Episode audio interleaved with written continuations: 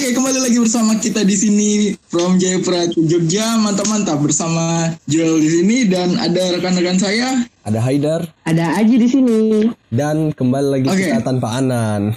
Benar. Iya guys, Anan. benar episode ini Anan belum bisa gabung sorry sekali. Karena urusan keluarga yang tidak bisa diduakan. Begitulah. Iya, masih alasan yang sama. Ya. Alasan klasik gitu kan. Oke, pembahasan di podcast ketiga ini cukup menarik ya, karena sangat booming gitu kan. Masih Bagaimana? hangat lah isunya. Iya, iya, iya. Di podcast ketiga ini Kita punya bintang tamu yang sangat pas sekali dengan pembahasan kali ini karena yang akan kita bahas kali ini adalah tentang kelulusan anak SMA tahun ini tahun 2020. Jadi di episode kali ini kita mengundang Dika Wicaksono. Dika Wicaksono. Yes. Ya. Beri tepuk tangan yang paling meriah. Jadi tepukan meriah untuk adik kelas kita yang baru lulus ini. Mantap. Kabarnya gimana nih? Kabarnya ya? Baik, aman. Masih bernapas. Aman. Alhamdulillah. Alhamdulillah. Umur panjang, umur panjang. Rasanya lancar. Umur panjang. Duit lancar. Rasanya gimana? Lancar. Duit. Duit. Aduh. Aduh, ini berat. Astaga. Dompet bergetar-getar. Pertama untuk yang belum tahu ya biasa seperti biasa lah kita harus memperkenalkan bintang tamu kita dulu gitu. Eh Tak Dika kenal maka tak kancing. tak kenal maka tak kancing. Jadi ya. Dika silakan perkenalkan Iya. dirimu secara singkat. Oke. Kenalin yang belum tahu. Nama saya Dika. Eh, status saya pengangguran ya. Aduh, pengangguran. Kita sama cok. Tapi aku boleh, boleh, boleh, boleh. Kan baru lulus tahun ini toh. Ya. Kasih tau lah sekolahmu di mana, capseknya siapa. Skip, skip, skip, Aduh. Endorse, endorse. Ada anaknya nih ngeri banget. Ada anaknya nih. Ada anaknya dia sih.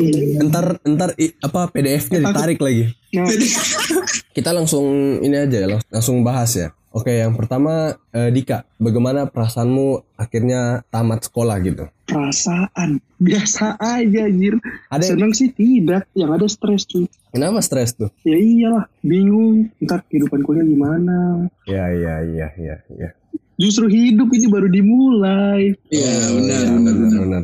Apakah kok ada kangen gitu perpisahan tanpa perpisahan gitu istilahnya gitu kan? Perpisahan tanpa tanpa bertemu. Mirisnya mungkin di situ sih. Soalnya tahun lalu kan kakak kelasku lulus perusahaannya acaranya di ya acara lah gedung. Ah. Terus akan datang tuh. Eh tahun ini malah enggak. Tapi ada enaknya cuy. Apa enaknya? Enggak ada UN.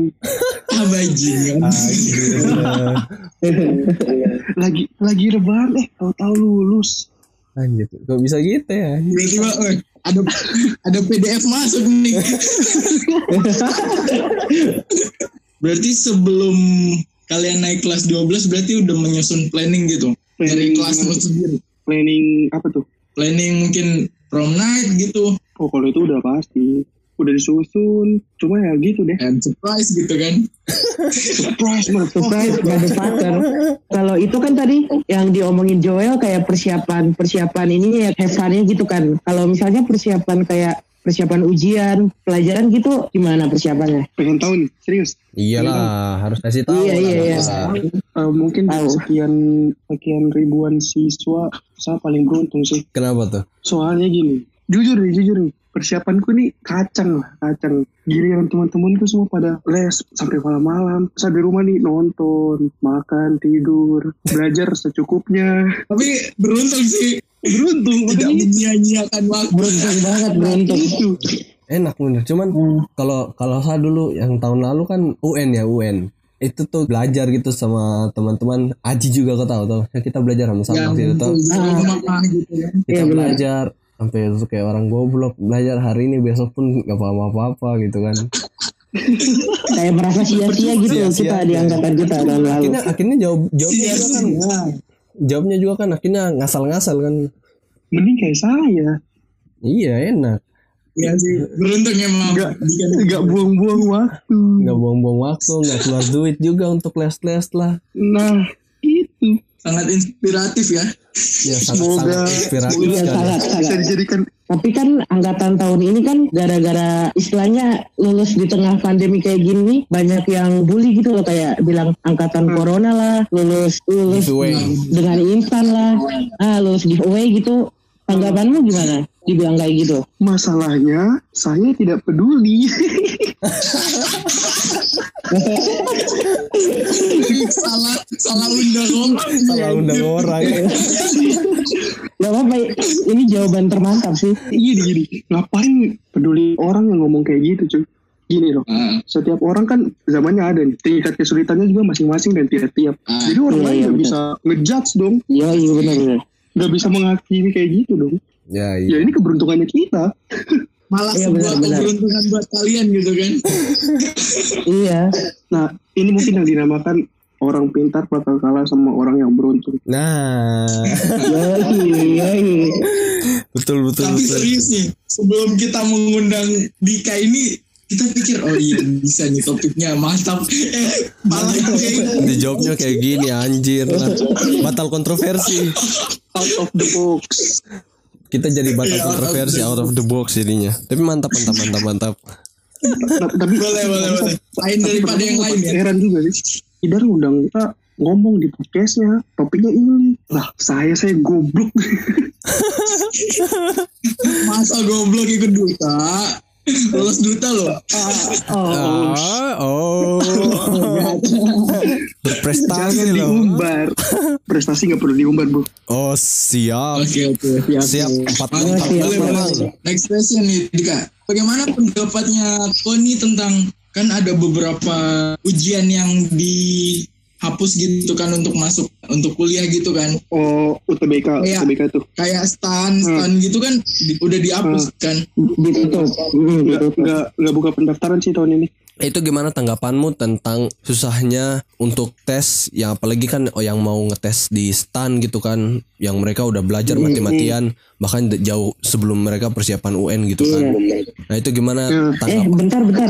Kenapa kita bisa bilang susah untuk masuk kampus tahun ini? Karena kan tadi teman-teman udah bilang kan ditutup. Nah, kalau stan ditutup, otomatis jalur masuk perguruan tinggi yang lain bakal lebih banyak kan yang mendaftar, jadinya lebih susah. Ya. Kayak gitu. oh, oh jadi sebenarnya kalau untuk lulus di tahun ini sih kalau mau dibilang susah susahnya apa coba? Nggak ada. Nah itu yang tadi sama maksud. Pas kamu tanya sapu perasaan gue pas tamat sekolah? Yang ada malah stres. Gimana? Ya pas dalam situasi pandemi kan kita nggak bisa belajar secara tatap muka dan terbukti. Belajar online nggak efektif. Nah, Setuju setuju gini nah, Gini, gini, gini, Bener-bener Gini, setuju gini, gini. banget. Gini gini. Kita belajar tatap muka aja. Ada yang masih nggak ngerti coba. Gimana kalau online Iya, cuy itu sih tantangannya persiapannya bakal lebih terbatas gitu dengan situasi yang apa ada tapi syukurnya sih untuk ujian tes masuk PTN sih UTBK kan awalnya tuh ada kan TPA ya. gitu-gitu kan Iya, iya, iya. syukurnya dihilangin sih sisa TPS doang Tapi itu berarti kan sama aja tetap mempersulit lulusan-lulusan yang baru ini kan karena kuota di SBM makin banyak. Terus juga eh, yang mendaftar negeri kan berarti semakin banyak gitu kan.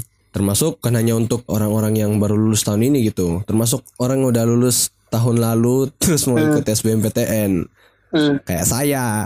Itulah. menurut saya nih kalau ada orang yang masih bilang susah tuh mending mati aja cuy Kenapa tuh? Kenapa? Serius ujian bebannya udah dikurangi pasti bilang susah coba Ya ampun. Iya iya iya. Tidak tahu bersyukur hidupmu memang. isinya apa sekali-sekali lah usaha cu Terus satu lagi nih, kan lulusnya kan nggak bertatap muka tadi kan. Nah terus kalau kalian mau coret-coret gimana tuh? Sumpah itu jadi terus cukup berat gitu. cukup berat cukup berat itu jadi pertanyaan yang yang ini itu jadi kontroversi nih, ya kontroversi. kontroversi gitu. Gimana tuh? Gimana? sejauh Tuh? yang saya lihat nih sejauh yang saya lihat nih sejauh yang saya lihat mereka membuat cara baru coret sendiri rumah foto upload di SG kui titip nama kui Oh. Iya iya emang emang emang maksudnya emang kayak gitu kan. cuma kemarin saya juga sempat coret-coret sih Oh. janjian di ketemu ketemu kumpul di rumah temen Oh ini nih tidak menghindar tidak mengikuti? Aturan. aturan pemerintah nih gimana nih? itu gobloknya saya Lain daripada yang lain ya Lain emang. daripada yang lain. tapi saya akui sih emang salah Tapi tidak apa-apa lah itu itu cara untuk gimana berpisah lah maksudnya iya kan kasih kenangan gitu lah sudah lah itu. Daripada nggak sama sekali. Ya daripada nggak sama sekali juga kan. Kasihan juga kan kalian. Udah lulus nggak nggak ujian nggak ketemu teman-teman juga.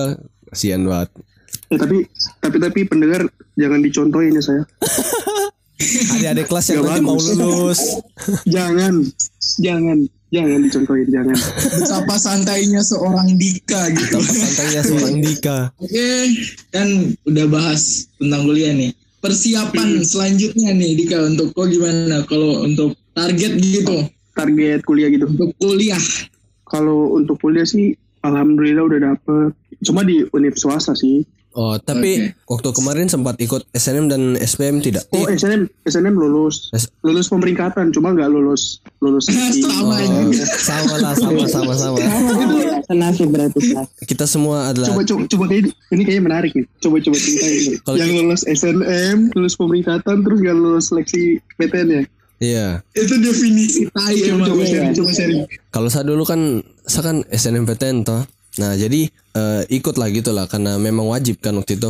Waktu pemeringkatan tuh ada tuh temanku yang nilainya tuh semuanya dari awal semester 1 sampai semester 5 itu nilainya tinggi gitu loh di atasku gitu. Nah, tapi entah kenapa dia itu nggak lolos pemeringkatan. Terus sama masuk gitu, sama, sama masuk saya heran saja kok bisa gitu.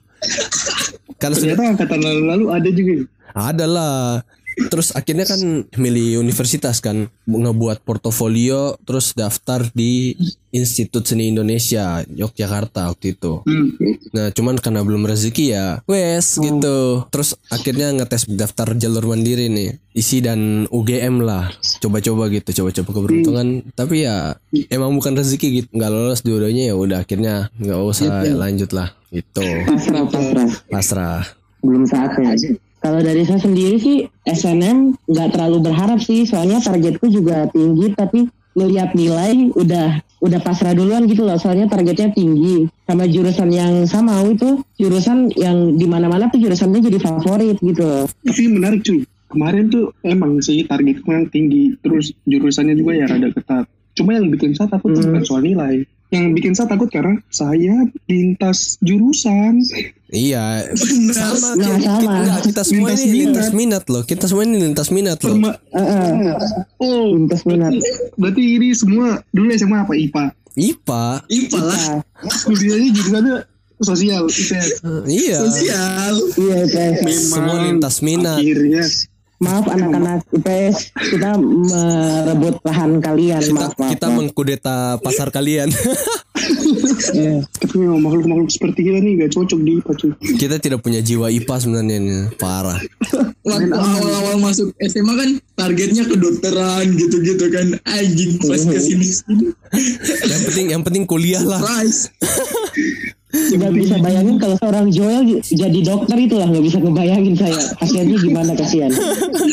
Pasiennya Oh, rusak. ya.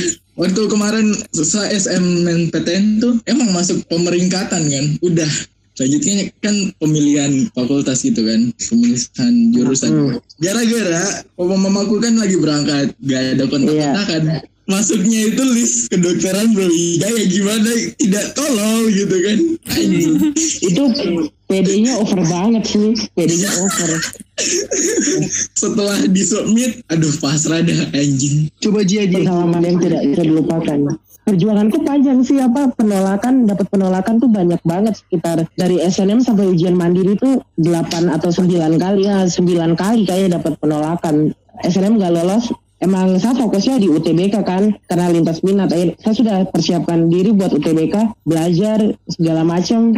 Targetnya masih sama, jurusan sama, univnya urutan univnya juga sama, tapi masih nggak keterima. Terus akhirnya pasrah, masih ada ujian mandiri, daftar banyak-banyak ujian mandirinya di UNY, UGM sama UIN. Nah, akhirnya rezekinya ada di UIN. Sebelum lanjut nih, ini kan kita cuma bertiga nih. Kita kan harusnya berempat sama si Anan. Nah, berhubung Anan tidak ada ya sudah kita kita kita kasih tahu lah sedikit tentang dia lah. Buka kartu. Oke, jadi. Gimana Jadi gimana? kalau untuk Anan ini, jadi kita skip ke langsung dia yang dia daftar satu universitas swasta, dia udah nyoba 10 kali Iya, coy. Iya, kayaknya. 10 kali coy, percobaan tanpa berhenti dan ditolak gitu. Nah, sekalinya dia masuk tuh gimana gimana? IEU dibalik. UI. Oh, oh iya iya iya. iya. Iya, ceweknya cakep-cakep di. Nah, terus akhirnya dia daftar di UMY. Nah, sekali tes langsung lolos gitu. Nah, itulah. Itu sebuah konspirasi. Itu sebuah Konspirasi konspirasi. ya. Ngalah-ngalahin konspirasi Jering. Parah, parah. Tapi saya rasa nih yang buat saya rada malas sih kayaknya itu sih. Kayak udah ngerasa aman gitu. Karena kan saya udah dapet univ. Terus Ah, santai ya. kebetulan univnya juga serak lah sama hatiku. Oh, ya ya ya. Tapi orang tuamu setuju kalau kau lintas minat gitu? Kalau orang tua sih bebas sih. Kasih kebebasan. Bebas. Berarti kan merantau ya kan? Apa persiapanmu untuk menghadapi kerasnya kota luar gitu? Apa yang sudah kau persiapkan untuk menghadapi kerasnya Jakarta gitu? Yang jelas pertama mental sih. Apalagi kita yang tinggal di ujung Indonesia begini. Iya. langsung pindah ke kota besar. Tapi kalau soal Terus, terus? hidup sih gak terlalu takut. Udah biasa sendiri soalnya. Oh. Oh. Pacar punya tidak? Ada. Oh, kamu bukan Nam- golongan namanya kami. Ima, namanya Ima. Ima? Ya, nama lengkapnya imajinasi. Anjay. Imajinasi. Anjay lah. Anjay. Bisa receh-receh sekali. Receh sekali saudara kita ini. Gering, gering, Saya gering. kira mengundang si Dika ini akan memberi sebuah inspirasi yang luar biasa ternyata tidak sekali Bung. Tidak sekali, Bu. Iya iya iya. Tadi kita pikirnya tuh gini, ini akan jadi pembahasan yang sangat serius gitu loh, kontroversi karena apalagi soal eceng-ecengin gitu kan yang adik kelas lulus jalur ini giveaway lah corona lah gitu. Jujur nih, jujur nih, Sani salah satu orang yang begitu saat waktu kemarin. Oke, kita bahas, kita bahas. Terus kan ada satu satu teman yang dia tulis dia bikin buat story gitu lah. Pokoknya dia tulis panjang lebar gitu lah. Terus akhirnya kan jadi sadar gitu. Kayak kasihan juga lihat perjuangannya mereka juga berat gitu. Lumayan juga lah karena seperti yang tadi Dika kau bilang kayak belajar online itu tidak efektif. Nah, itu betul juga. Terus saya dengar juga kan bukan hanya untuk anak kuliah, ya. anak SMA itu tugasnya banyak gitu loh. Kayak ditumpuk-tumpuk terus sama guru gitu. Itu kan jadi nah, bebannya gitu. Jadi bahasa kasarnya gimana ya? Jadi ya- Angkatan 20 nggak pantas lulus gitu. Bukan, enggak.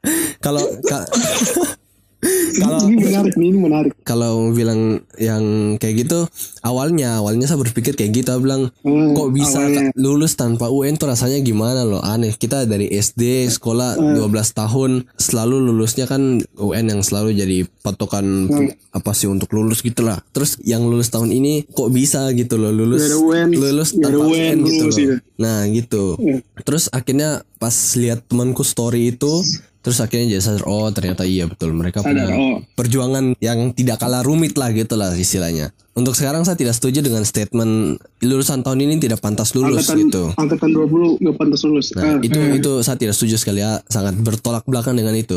Tapi kalau soal lulus jalur giveaway ya saya maju paling depan itu. Itu benar Bung. itu benar ya emang. Oke.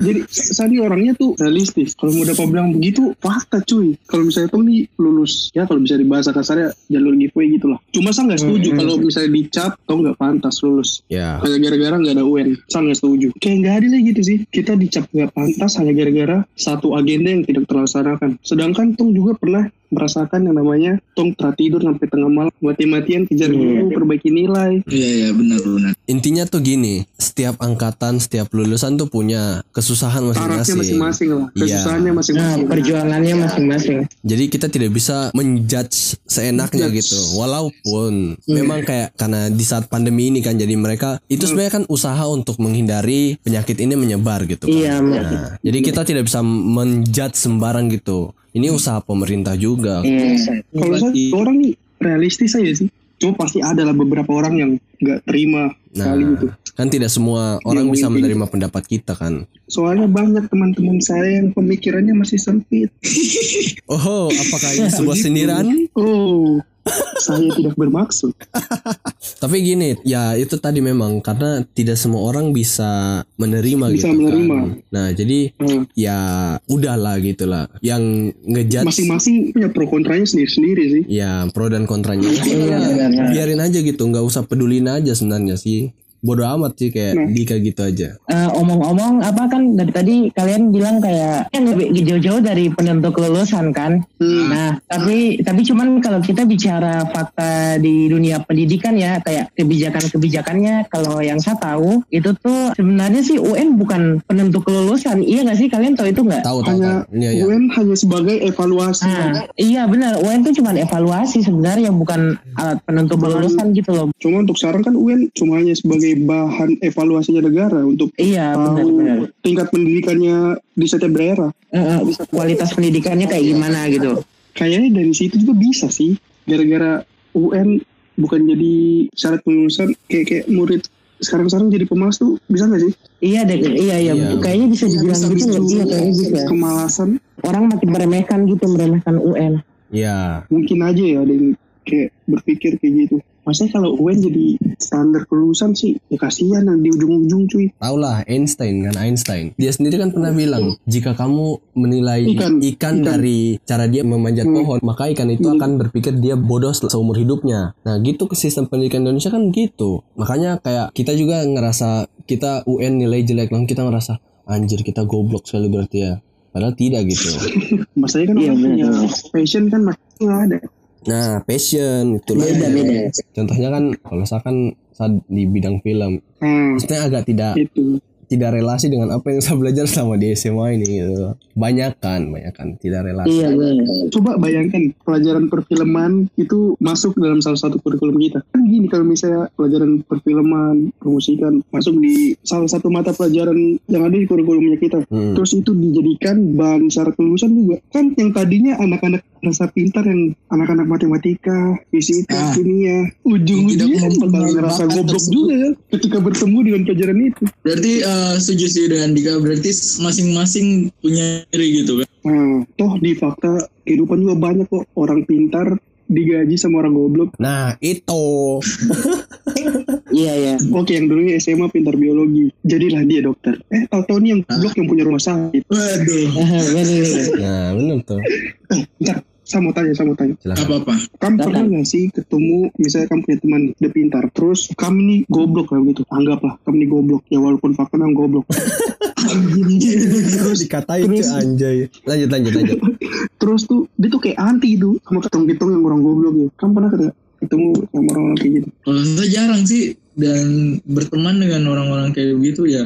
Kalau misalnya dapat seperti kayak gitu ya udah jauhi aja anjing ngapain dekat dengan orang pintar tapi sombong gitu kan. Memberi sebuah benefit ke kita juga ya Iya. saling menguntungkan juga tidak ngapain juga ditemani gitu. Aji Aji gimana Aji? Pernah tidak? Kalau saya sih pernah lihat aja sih juga pernah lihat di kuliah pernah waktu awal-awal sekali dua kali sama dulu SMA juga kayak lihat kalau lebih ke ini sih kalau misal anak-anak ini dong satu kelompok sama anak-anak yang pembagian Semuanya kelompok gitu loh kayak dong ngerasa nggak adil gitu atau dong ngerasa mungkin si yang maaf yang kayak aku bilang goblok ini dong cuman kasih beban segala macam pernah pernah lihat kayak gitu Oh. Hmm. Cuman sih kalau menurut saya jangan gitulah apa. Justru anak-anak kayak gitu tuh harus dirangkul. Kalau dong tidak dirangkul untuk diajari, nanti siapa yang mau ajari mereka? Iya atau tidak? Nah, benar. Benar sekali Bapak Nah, Aji.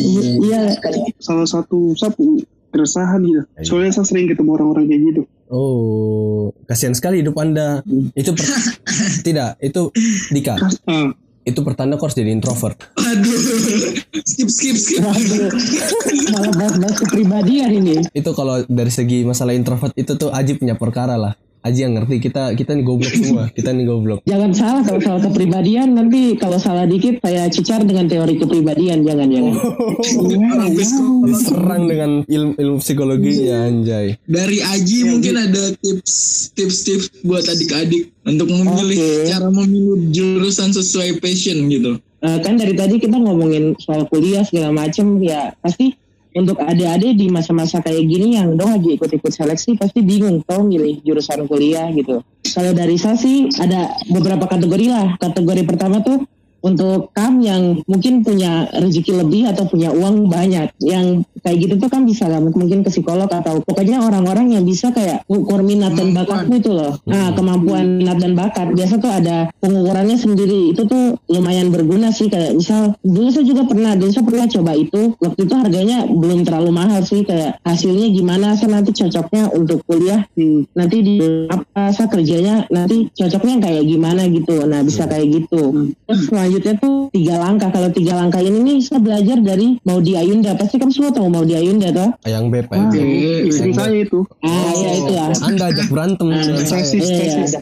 Nah itu tuh kalau dari dia sendiri itu juga terapin sih waktu saya mau pilih jurusan kuliah itu. Itu yang pertama ada what.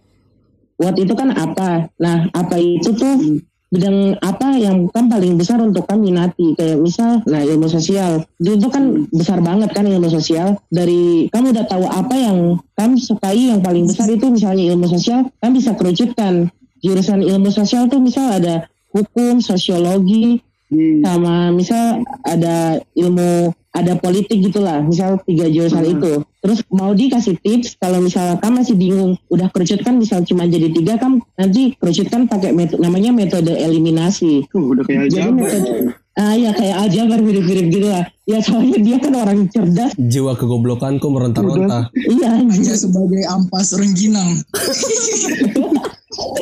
kok malah menghina diri sendiri? Pokoknya metode eliminasi itu kayak kan prioritaskan berdasarkan kamu diri. Misal oh kan suka ilmu sosial tapi mungkin saya tidak suka ngomong-ngomong di depan kayak macam ilmu hukum. Mungkin saya pengen jadi belajar di sosial tapi mungkin kayak jadi peneliti. Mungkin kok prefer ke sosiologi. Nah kayak gitu. Yang kedua nih pakai who.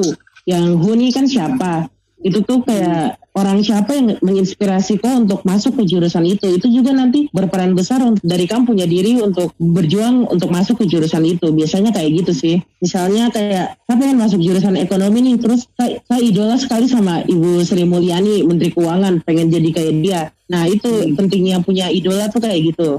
Berperan dalam pemilihan jurusan kuliah. Terus yang terakhir tuh how. Kalau how ini yang paling penting. Ini yang saya terapkan terus saya tekankan ke adik-adik kelas. Saya tanya saya kayak jurusan kuliah buat saya yang cocok apa ya? itu tuh kan generasi sekarang kayak malas gitu tuh cuman saya tekankan riset. Minimal jurusan yang mau kamu masuk nih ada di universitas mana. Misalnya saya dulu pengen kan pengen masuk psikologi kan. Jadi saya riset universitas mana di Indonesia yang punya jurusan psikologi mana yang bagus jurusan psikologinya. Terus mulai dari itu saya juga kayak riset psikologi itu nanti belajarnya apa aja. Terus nanti pelajaran dasar yang harus saya kuat dari SMA tuh apa aja. Terus juga kayak prospek kerjanya untuk milih jurusan kuliah ya emang panjang sih. Satu lagi nih pesan buat adik-adik yang mau milih jurusan kuliah risetnya segala macam jangan mepet. Paling enggak untuk yang mungkin masih kelas 2 SMA mulai dari sekarang mulai dari kelas 2 SMA atau mungkin yang kelas 3 baru teringat. Kelas 3 awal tuh pokoknya kau sudah harus ada gambaran mau pilih jurusan apa kayak gitu sih waktunya jangan terlalu mepet itu aja Oh jadi singkatnya kenali diri sendiri dulu ya. iya benar kenali diri sendiri dulu baru kau bisa Terus riset. pilih jurusan itu ya Eh, tadi aja sudah kasih tips bagaimana cara memilih jurusan gitu. Terakhir nih, langsung kita ke